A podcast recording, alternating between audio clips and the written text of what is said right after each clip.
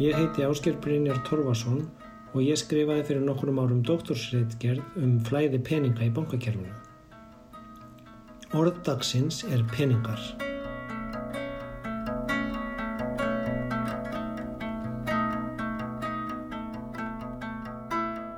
Nú á heldur betur að fara að prenta peninga og búa til skuldir fyrir ríkisjóð, heilan helling af þeim.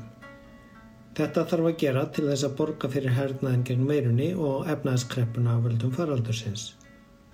Það verður ekkert vandamál því peningar eru í eðlisinu samfélagslegt fyrirbæri og peningarna þarf ekki einu sinni að prenta heldur verða þeir ennfallega til úr engu í bókaldskerfunu í bankanum okkar.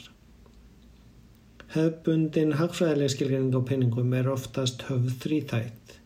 Peningar eru þá mæleining fyrir bókald varðveislu miðl verðmæta og miðlunartæki viðskipta.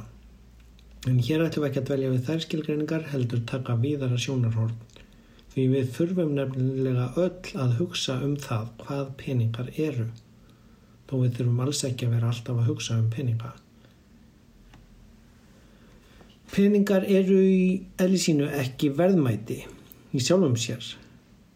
Sæðlar hafa ekkert gildi nema vegna þess að við gefum þeim gildi sitt í samfélaginu. Peningakerfið okkar er sameign og almannageði. Í raun eru peningar aðeins ákveðin skuldaviðurkenning sem á nota til að jafna aðra skuld. Aðeins örlítið hluti allra peninga sem eru til í dag er að finna í formi sæðla og myndar. Því þeir eru flestallir inn á bankareikningum okkar eða einhver annara.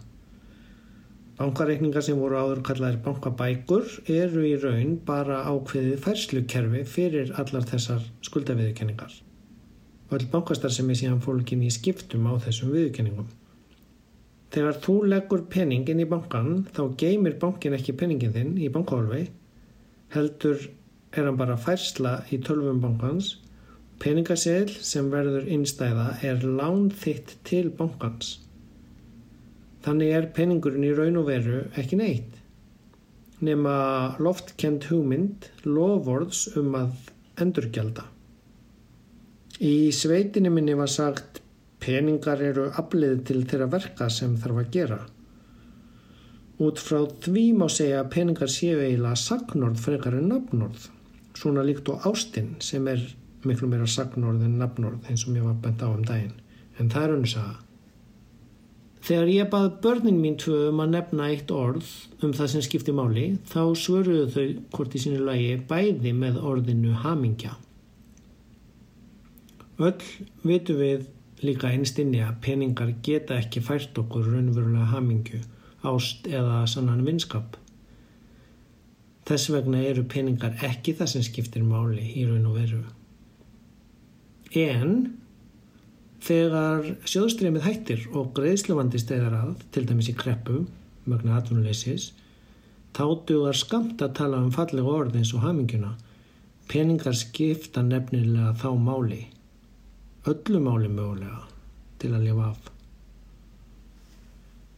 Ég satt ráðstefnu nýlega þar sem ekki var verið að leita svara við hefðbundum rannsóknarspurningum hagfræðinar, heldur var verið að leita að nýjum spurningum sem skiptu máli að beina kröftum ungra hagfræðinema að á næstu árum. Francis, Páinn í Róm, var eitt þeirra sem hafi sendt inn tillögur að mikilvægum spurningum. Einn þeirra snýri að því að rannsaka á nýjan hátt hagfræðið þess sem er einskis virði, hinnu verðurlausa, eins og fegurðinni til dæmis tildokk Páinn.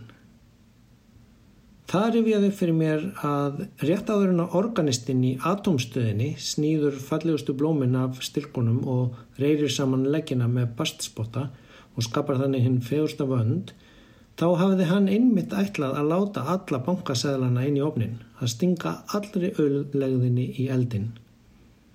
Fyrst að hún vildi ekki þykja peningagjöfina. Eru þetta ekta peningar, hafði hún spurt. Varla, svaraði hann. Að minnstakosti hef ég ekki búið á til sjálfur.